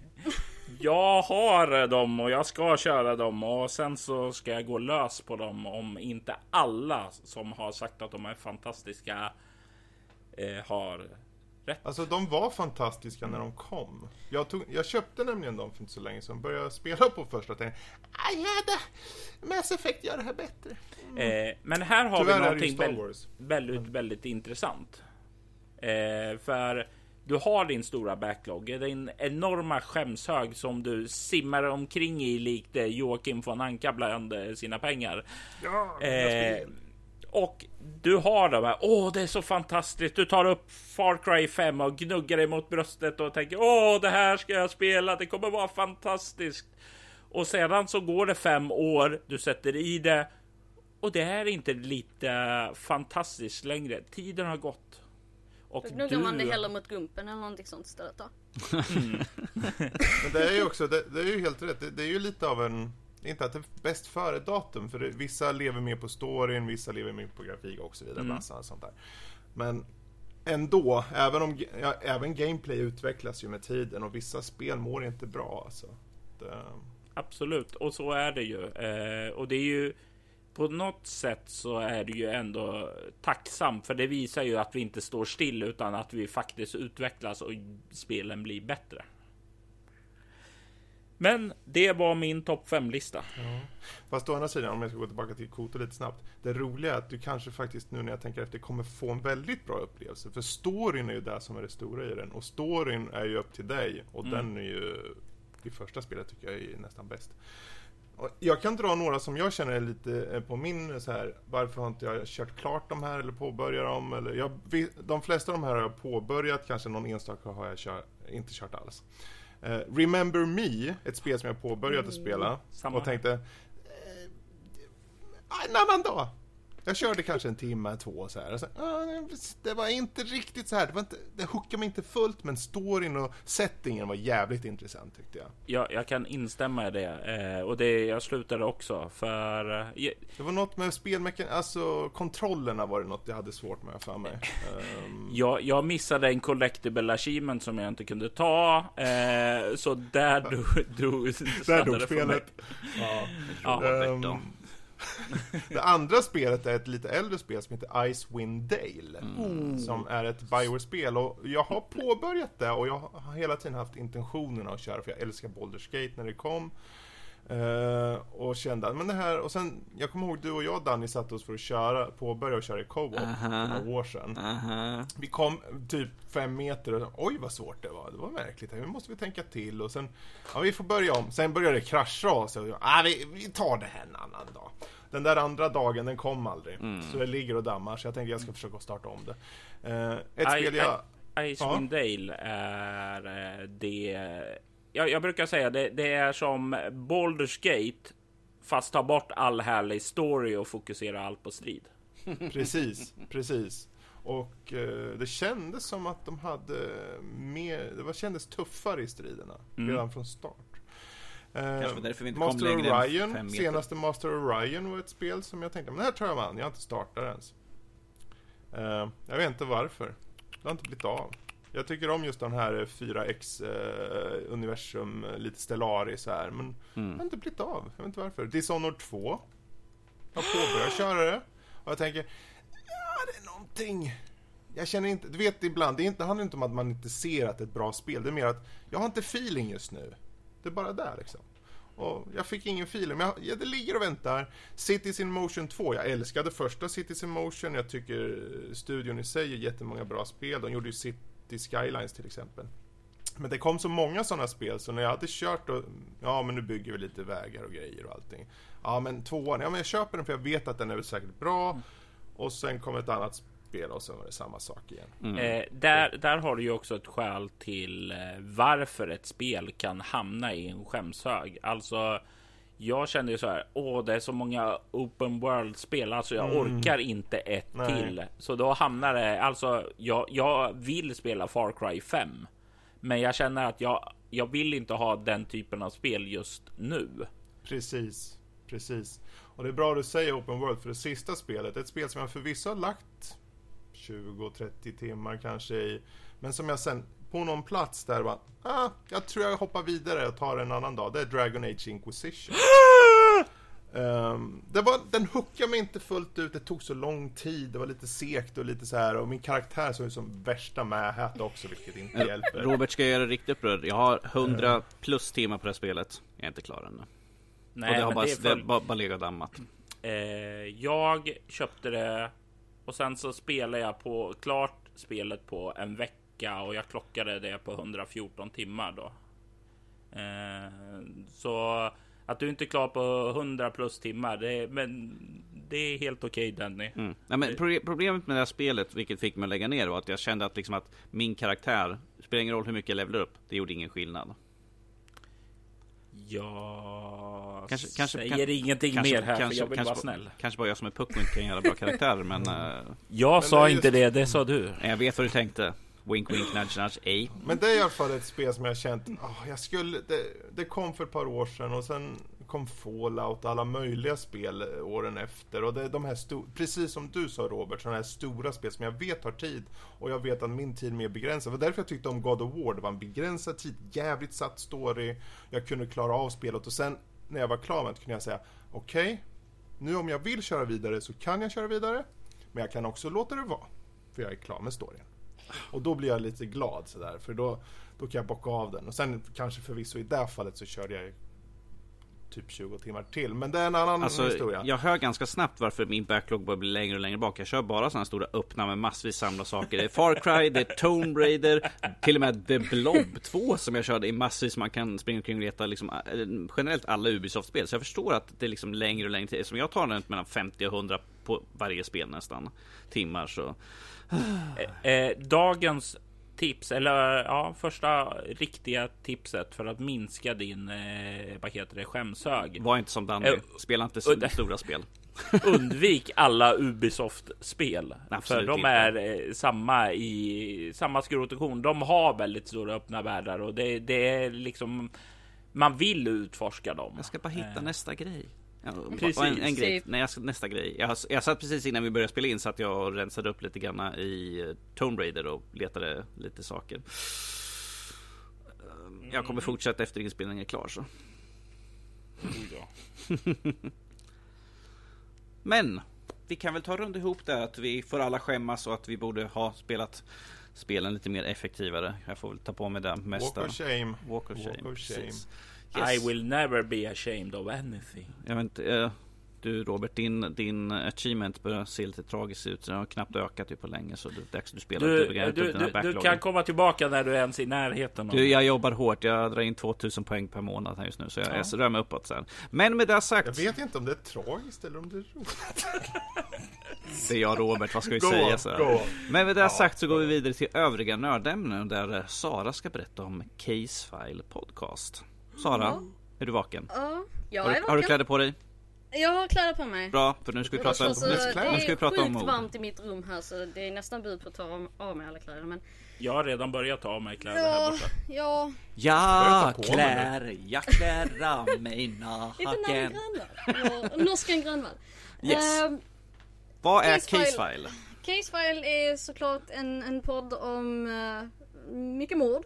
Mårdar, okej. Okay. Ofta, oftast i alla fall mord. oftast ehm, mårdar.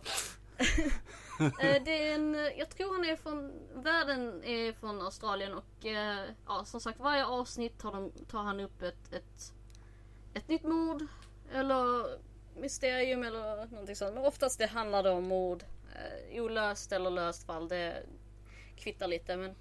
Är det lite cold case grejer också? Det så? finns cold case. De, alltså, hans första avsnitt är nästan bara cold cases faktiskt. Okay. Men sen så började han lite med, med lösta fall och, och så här och uh, han är väldigt påläst. Alltså han har verkligen researchat allting och jag kan säga så här, de första avsnitten är väl lite svåra att ta sig igenom eftersom det är bara en kille som sitter och typ berättar om, om ett fall och så här men han går väldigt intensivt in på utredningen och alla victims, vad som hände och så här vissa avsnitt kan vara jobbiga att ta sig igenom men oftast så tillkommer en disclaimer om det finns lite mer eh, för grafiska grejer till exempel. Um, med. Men jag tycker den är bra, den är värd att, att nämna för, att, för folk som är intresserade av att eh, ja, lära sig om olika Mord. mordfall. Hur man mördar. Hur man döljer Ja. det bäst. Eller hur man åker fast också, för de flesta åker Ja, fast värt att tänka på. Säg Det- inte att du mördade någon. Eh, det bästa sättet att lära sig något är att studera andras misslyckande. Ja, precis. Och så kan man göra ett eget misslyckande. Oftast när det gäller mord för att man ska ju inte tro att man kommer liksom ifrån. Eh, Exempel på Golden State Killer som blev fast liksom, tror var förra veckan eller någonting sånt. Mm. Och det var ju- Ja, det var därför du rantade om det. Nu börjar jag koppla. jag, det jag plingar hade till ju här. snackat om bara för några veckor sedan om Michelle McNamara's bok I'll be gone in the dark. Eh, och eh, det visade ju sig att eh, hon hade rätt. Han, han, han skulle bli fast. Det är bara lite synd att hon inte levde och så det men han blev ju fast, fast han var 72 år gammal eller någonting sånt. Blev fast här typ förra veckan eller någonting sånt. Så det var ju rätt kul och eh, Casefile tar faktiskt upp just eh, Golden State Killer eller East Area Rapist eller The Original Night Stalker var Han har väldigt många namn men han har faktiskt en serie liksom, jag tror det är fem delar eller någonting sånt som då går väldigt intensivt in på just den här seriemördaren slash våldtäktsmannen då. Mm. Så, Det känns ju fel att använda eh, ordspråket kärt barn har många namn här. Ja, skönt att du sa det. Jag satt och tänkte på det. Men alltså han hade väldigt många namn. Som början var det ju bara Ray. Alltså så här, Han har liksom, han blev ju nämnd för Easter Area Rapist då liksom. Och sen så blev ju övergången när hans beteende eskalerade så sagt. Det, Och det, det är liksom, och det var ju under en tioårig period. Så det, Mm. Men hur var det? Var alla morden sammankopplade från början då? Såg man en tydlig progression där? Eller var det, vad heter det, att de kändes eh, unconnected? Eh, Jag, först? jag tror det, det måste ju finnas en röd tråd för att det finns ju, jag tror det är ungefär 12 mord han har blivit kopplad till. Men just nu så är det ju bara två, vad jag vet, som han har blivit, eh, alltså som de kan bevisa att det finns bevis på att okej, det är verkligen du. För jag tror det är där de har tagit själva det här DNAt från den mordplats, eller ja, crime scenen då som har tagit det DNAt som faktiskt är en familjär, blev en familjär match och de hittade honom. Men i alla fall. Uh, Casefall går inte, alltså. uh, jag gillar ju att lyssna på poddar som har lite mer humor och uh, det här är inte alls någon humor. Det, ja, även om, ja, det, jag vet inte. Jag gillar det i alla fall. ämne liksom. Det, ja, det- alltså jag gillar researchen och det blev bättre och bättre. Det, det, är inte, det är inte direkt att man sitter, att han sitter så här. Och sen, fick, sen läser vi här i dokumenteringen att han förde in kniven under tredje revbenet och körde upp det. Jo, jo. Det är mycket sånt. Nej, det är, inte, nej, det är inte den typen av humor så att säga. Nej, nej, det, det är det ju inte. Men det, jag tycker det, det blir mer fascinerande att lyssna på honom när han, man märker liksom att han lär sig mer hur man ska typ fånga lyssnaren. Mm. Eh, Okej. Så ja, Men heter den här alltså exakt Case File? ja Eller case Case file, eh, case, case file är ihopsatt liksom. Case Okej. file. Mm. Mm, okej. Finns den överallt liksom? Eller? Ja, den finns överallt. Den finns... Ja. eh, Jag tänkte, jag, jag tänkte, jag, jag Finns till och med på. Spotify. Till och med på, okej. Ja, för jag kollar på iTunes eller vad det heter, podcaster-grejen och hittar bara en Case File True Crimes. Ja, Eller- jo, Case File True Crimes brukar det gå under också. Faktiskt. Jag tror... Ja, Case File True Crime Podcast är väl kanske Mm. hela, vad heter det? Vad det heter. Okej, men bra. nämna, då, man då, brukar säga då har jag hittat Fact is scarier than fiction. Heter Mm. Ja, ja Så. precis. Och det, de första avsnitten kan vara lite så här. Jag satt och lyssnade på det första avsnittet och somnade. Men det är mer för att på grund av att han, det är bara han själv som gör det. Det är lite som, jag vet inte om ni har lyssnat på Lore. Det är Ja, det har jag. Ja, Lore är väl kanske också själva det, det, det är ingen liksom så här upbeat på det utan det håller ju en viss ton. Och den är väldigt låg där. Men det är en väldigt bra stämning på den och Ja. han får igång en. Ja, Jag, jag tänker ta mig an den här och Men Sara, eh, du sa, i första avsnittet så är det bara han. Eh, hur många är de som är med? eh, Nej, det är bara han. Det är bara han som eh, sitter och och läser upp eller mm. Även i de, sen, de, ny, de nyare delarna, det är bara han? No? Det är bara, jag, okay. vad jag vet så är det bara han. Jag har inte kommit till de nya, jag är kanske på avsnitt 30 eller någonting sånt. Okay. Så. Men, men det är ju det med allting annat. Övning ger färdighet. När du sitter ja. den första precis, gången precis. så är det stelt och sådant. Men så mm. hittar man det och blir bättre på att suga precis. in allting. Lyssna bara på tidiga delar av Nördliv. ja, precis. Där eh, Danny håller monologer för sig själv. Mm. Mm. Nej, men jag kan ja, definitivt Jag tänker lyssna faktiskt. Mm. Yes. På Dannys tidiga monologer. Ja, och det också. oh, stackars folk. De har hört för mycket. Ja, jo, precis. Ja, vi rundar av övriga nördar och slänger tillbaka till Sara på lyssnarfrågorna för den här veckan. Åh oh, gud, jag kommer bli helt hes. Drick lite vatten. jag visste, jag har ju svartvinbärs. Ja, nom, Svartvinbärsvatten? Ja, det är ju... Hon mördade lite svartvinbär och tryckte ner dem i vatten. Ja, precis. Trampade själv. Nej, um, vi har från uh, Diane Lucas. Uh, och um, det är från Twitter. Jag tror vi har tre frågor från Twitter. Mm. Diane Lucas säger Hej! Nordliv SE. Kan, kanske kontroversiell fråga men jag är nyfiken på vad ni tror. I, idag så säljs mängder med spel och forntidens crack och Vares scen lever tack och lov ett ensamt liv, inom parentes tror jag. Påverkar det fortfarande spelbranschen? Hur och var märks det tror ni? Nyfiken på vad ni tror. Oj. Kontro ja. Kontroversiell? Ja. Uh, intressant och uh, viktigt att prata om? Sure. Uh, ja, Crack och Warriors-scenen är ju inte direkt någon av oss som är inne och snurrar runt på så mycket. Men när vi fick den här frågan så Eh, hoppade, väl, hoppade vi ut och kollade lite grann eh, online och såg. Och det, sure, det finns ju nya spel. Eh, sea of Thieves fanns ju online, men det stod så här vänta på crack. Man bara okej, okay, ni har crack, rippat spelet men det finns inte så ni kan cracka det. Vilket, eh, vilket en av sakerna vi sa att det är ju svårare nu för tiden som nästan allting har ett online läge som de måste komma runt och vanligtvis är de flesta sådana här multiplayer så du kan ju bara spela själv så mm, vad är det för nytta då? Eh, mm. det, det, finns ju, vad heter det, fortfarande bevis på det här för en del Åh, nu kommer jag inte ihåg det, men liksom eh, när folk har gått ut och sagt så här kracka spel och sen är det någonting som inte funkar och säger ja, men hur går det här att lösa? Varför ser jag ut så här? Och hur löser man det här problemet? Och sen bara ja, men det är bara därför du spelar en eh, hackad version.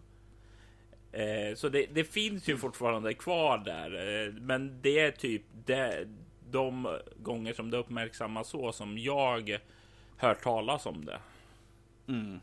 Ja, det, det är ju inte mycket, det snackas inte på samma sätt som det gjorde för kanske tio år sedan med, om det här. Eh, och jag tror ju att även om det snackas om det, eh, jag tror definitivt att det är mer av någonting obligatoriskt från vissa eh, företag att snacka om. Mer som att de på riktigt blir påverkade i vissa fall. Mm. Um, självklart är det ju inte en bra grej i grunden. Men... Um, Ifall det är EA så är det okej. Tror det... Nej, inte så. Uh, det, det, är nog så att det är betydligt mer nischat idag. Jag tror att du, och särskilt förr fanns det ju på konsoler och så, liksom chippad och så. Men jag tror att även där ser vi nog, i och med att det är så mycket, det finns alltid det här som du sa Danny, uh, multi inte multiplayer-aspekten, men Onla, uppkopplingsaspekten. Eh, som, som gör lite av ett hinder. Och då begränsar du spelupplevelsen för många och då kan de komma och klaga sen. Men inte fan kommer det hjälpa. Ja, men jag kommer inte åt servrarna. Ja, vad fan, det tror det då, ditt fluster. Du har ju för fan en krackad version. Gå och köp spelet. Dessutom idag, om det är någonting som är billigt på Steam, till exempel, eller alla reor på Playstation och Xbox och det där. Det finns spel, du får riktigt bra upplevelser för en mycket, mycket mindre penning. Så jag tror nog att den här scenen är betydligt mindre idag. Eh, de som vet om det vet ju om det till fullo, de vet vilka vägar och så, men jag tror det är ändå jag, färre. Jag, jag känner... Ja, Robert? Eh, nej, jag, jag tänkte bara fylla i det och knyta till det Fredrik säger att idag så finns det ju så många mer spel. Alltså inte bara de här, ja visst, även stortitlar där det förr kanske kom en i månaden om man hade tur liksom så kan det komma tio kanske. Men framförallt så finns det ju så många om man ser de som är utanför AAA. Eh, det, det, finns ju hobbyutvecklare, det finns eh, semiproffs, det finns eh, ja, eh, knutna till olika företag och sådant och moderstudio och sådant där. Så det finns en så sjukt stor mängd av spel och det finns fler plattformar vi kan spela på våra telefoner och sådant. Alltså, så vi drunknar i spel på ett sätt som vi inte gjorde för 10-20 år sedan. Mm.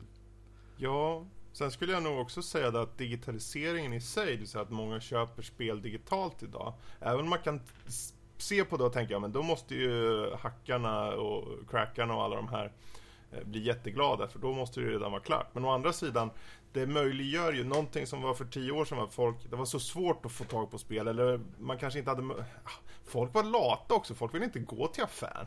De ville, ja men här ligger jag kan tanka ner det bara.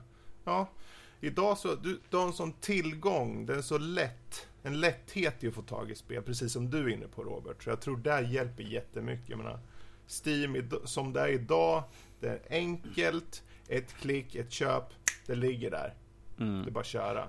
Uh, och jag tror, jag tror att det man ser i nyheterna om sådana här, att det, det är ju vanligtvis att ja, när vi crackade det här spelet på en vecka. Uh, det var som när de crackade Denuvo. Uh, de hade ju hållit på jättelänge med den skiten och sen var det liksom att ja, ah, nu är det crackat och då är det liksom så här spelindustrin fasar. Denuvo är knäckt här nu. Nu kommer folk bara ladda ner spelen. Nej, det känns mer som det är bara en prestige från de som crackat. Ja, vi har lyckats knäcka era nyaste. Och problemet jag vet fick spelindustrin i stort fick ju skit för att ja, men de som kör ett crackat spel, de behöver inte stå ut med att spelet hackar eller nu och fuckar upp spelscenen för oss. Ja, DRM, hela ja, DRM. Ja, hela DRM, vilket fick kritik mm. och en del fick ju till och med plocka bort dem. För det var ju liksom att, ja men det är crackat, det, de kom, det spelar ingen roll ifall vi har kvar eller inte. Eh, så där, där, fick, där har vi i alla fall en konsekvens av att det crackas i alla fall. Eh, att eh, spelindustrin helt enkelt fick backa tillbaka lite grann och det påvisar ju bara hur usel de här jävla DRM-grejerna ibland är ju. Mm. Ja, de kan ju fucka upp datorer och, och, all konsoler också. Mm. Um, och jag tror att det som, och det är därför den här online-aspekten idag är så mycket större. Uh, för du behöver inte ha DRM på samma sätt då Nej. i vissa fall. Uh, singelspelsupplevelse, fine, det kanske är mer lättare för, för crackare liksom. Mm. För då, ja, men då, det är ändå en enkel upplevelse på det sättet. Men de flesta har ju inte den aspekten. Det är lootboxer som är integrerade rakt i spelet och fuckas där så blir det kanske andra saker som glitchar ut. Och så vem vill ha... Vem, det är ju därför de sitter där. Men fan, det här spelet funkar inte. Jag tror fan det. det en sak går sönder och då går den andra saken och så vidare och så vidare. Så, jag, jag, hoppas och tror att det blir mindre och mindre och de inte kan skylla på det här längre. Eh, spelindustrin. Mm. För de tjänar nog fan så mycket mer pengar nu för tiden än de gjorde för fem år sedan, tio år sedan och så vidare. Mm. Moving on. Moving, Moving on, on. okej. Okay. Uh, Vilma på Twitter skriver Hmm. Om Nintendo gjorde en crossover med EA, Activision slash Blizzard, Sony eller Microsoft, vad skulle gänget i Nerdliv då fantisera ihop? Jag kommer ihåg den här, Fredrik jag pratade om det här igår eh, och då sa jag att ja, då kommer det vara Nintendo och EA och det kommer vara ett Pokémon-spel med att du springer inte omkring och fångar Pokémon utan du köper lootboxes med Pokémon bara. Det är hela spelet. det är Pokémon, det är Pokémon The Loot Game. Gotta loot them Gotta loot them all, precis. Mm. Ja, jag tänker som de gjorde ju den här um, Mario plus Rabbids mm. uh, med Ubisoft. Och tänk om någon då skulle kunna ha Super Mario går till typ uh, Blizzard. Jag tänker fan det vore ju många så här coola Diablo eller några andra karaktärer. Det blir bara så udda att tänka om. Tänk om du, du har Mario bara Oh, it's a you, Diablo. Jag, kan, jag vet jag fan. Kan, jag kan Turbaserad... Link istället. ja, jo. Link i ett Diablo-spelare kanske? Ja, det kan ju vara åt andra hållet. Det kan, precis. Jag menar Blizzard-spel som har en Nintendo-karaktär i sig. Mm. Ja, ja, Eller, när jag tänker sådär och tänker Nintendo och sånt där, tänker typ Mario Party och de bara liksom bara plockar in karaktärer mm. och använder för de andra mm. stora studiorna. Till exempel Microsoft slänger in... Sony gjorde ju något liknande så Super, Super Smash-spel en gång Precis, i tiden. Släng, det gick från att de skulle slänga in uh, Master Chief, de slänger in, uh, vad heter han i Uncharted? Nathan. Nathan Drake ifrån Släng in honom i typ sån här partyspel. Mm. Eller, eller Ja. Diablo har- själv. Från Blizzard då. då. Eller Ja. typ Uncharted Donkey Drake. Okej. Short, what? Ja, det Donkey kan, Kong. det kan... Kinky Konk. Kinky Konk. Mm. Klinkelikonk. Kinky Kong. Alltså det Mm. finns ju hur mycket sånt där ifall Nintendo skulle välja själva. Jag menar, jag tror inte de andra skulle klaga och få slänga in, kanske ha ett samarbete där. Det är som, är som Switchen är en som storsäljare så det skulle vara en bra PR på det sättet också för deras egna franchises ju. Jag har en liten annan take på det här än Oh, go ni on. Ehm, för jag, jag, jag tänker kanske mer så här bara, okej, vad finns det för spel till eh, respektive spelstudio som eh, jag skulle vilja ha? Och så tänker jag, ja, men det finns två spel som mer eller mindre eh, känns nedlagda som tematiskt skulle kunna passa med varandra. Det är inte direkt Nintendo, men det är en spelstudio som gav eh, ut ett spel exklusivt till Nintendo GameCube. Det fanns ett skräckspel som hette The Eternal Darkness, Sanity's Requiem. Och det handlar om en, eh, ja, basically det är kvinna som återvänder till eh, sin eh, fars herrgård, tror jag det är. Och finner hans forskning och läser i böcker och när hon läser i böckerna så får, vad heter spela det hon läser om. Och det bryter gränserna med, eh, vad heter det, in, eh, ja, mellan eh, ja, en sanity-mekanik helt enkelt. Lite så här Lovecraft-känsla över det hela. Fantastiskt spel. Eh, älskade det. Och det, det här är något som jag skulle vilja se mer av.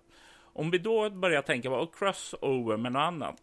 Får se, finns det något annat spel som har väldigt mycket med eh, böcker, texter att läsa?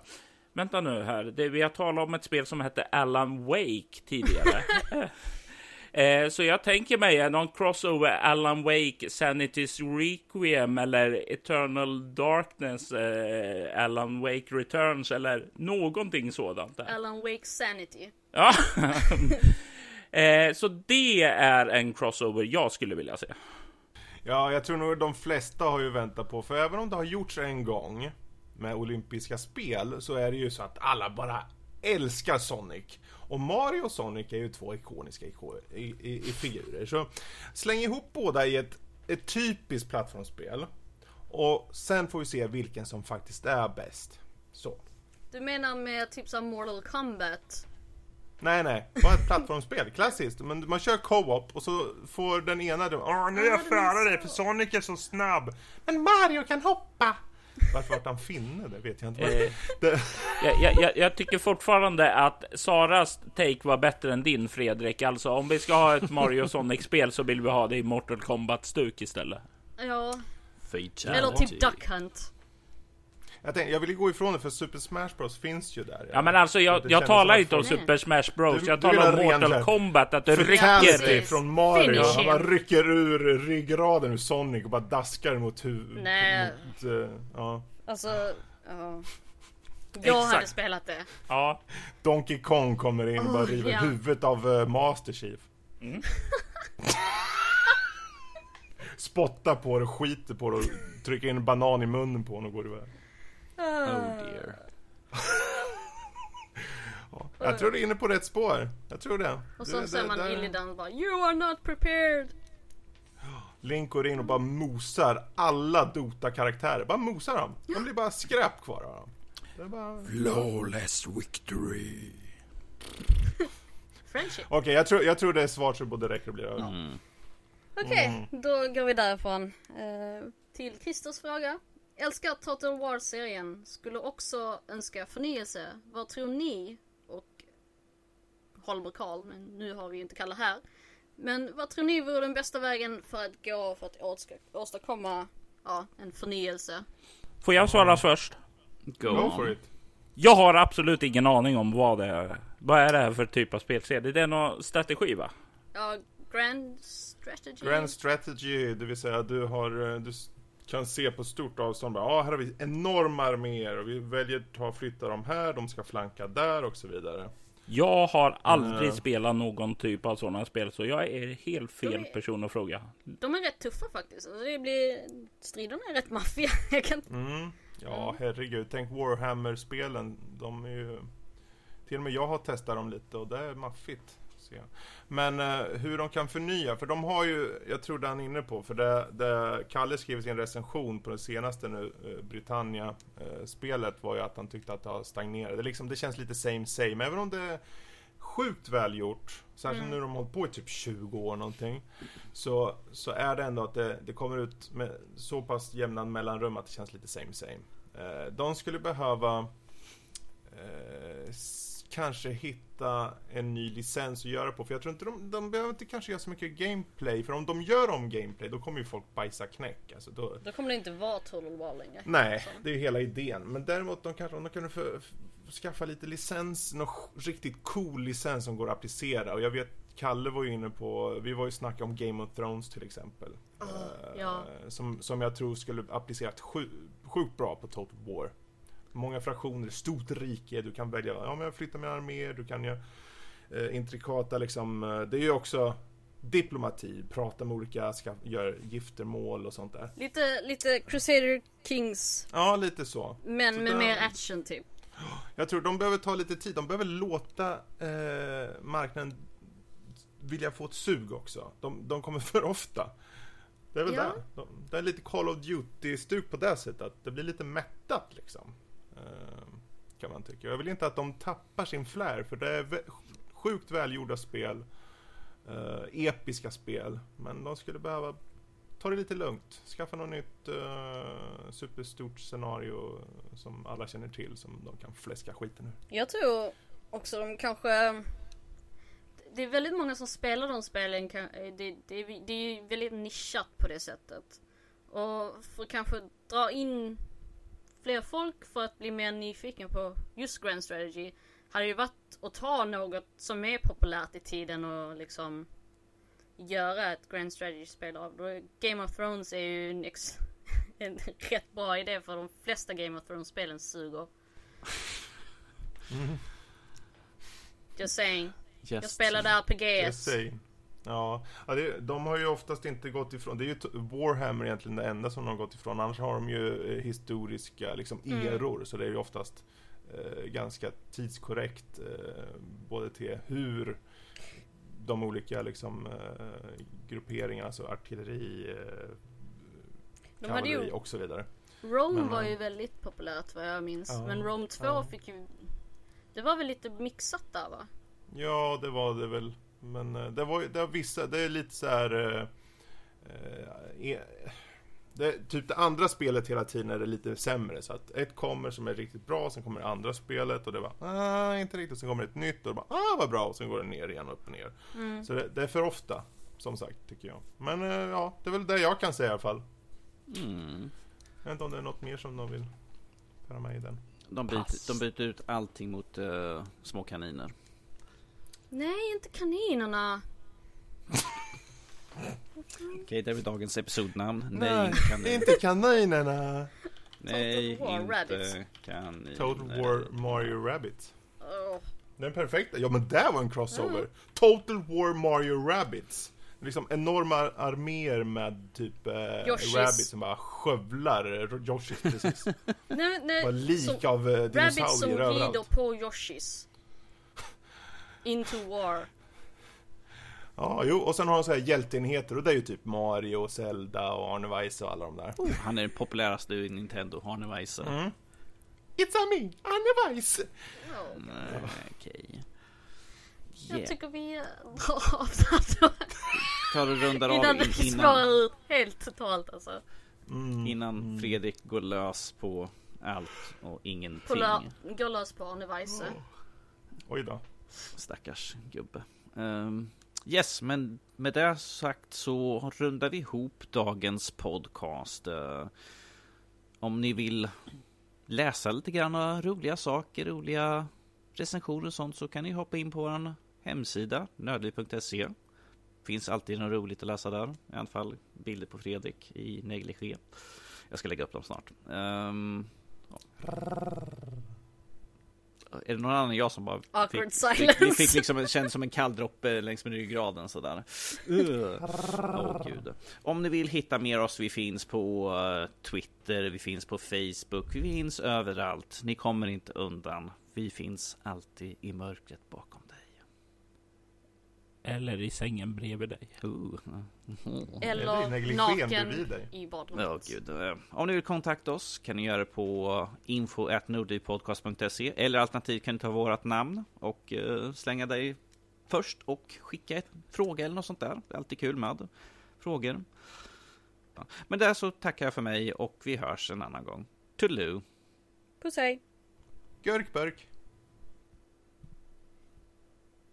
Jag vägrar att säga någonting. eh, Jag bara tänkte såhär, har- somnade han igen eller? Man hör bara... Nej, jag, jag sa ju något fint vackert där i avslutet, men då pladdrade alla andra. Så då tänkte jag, nu ska jag inte säga någonting. Nu tar jag och protesterar. Nu stänger jag av det här. Nu är jag trött. Nu går jag och lägger mig.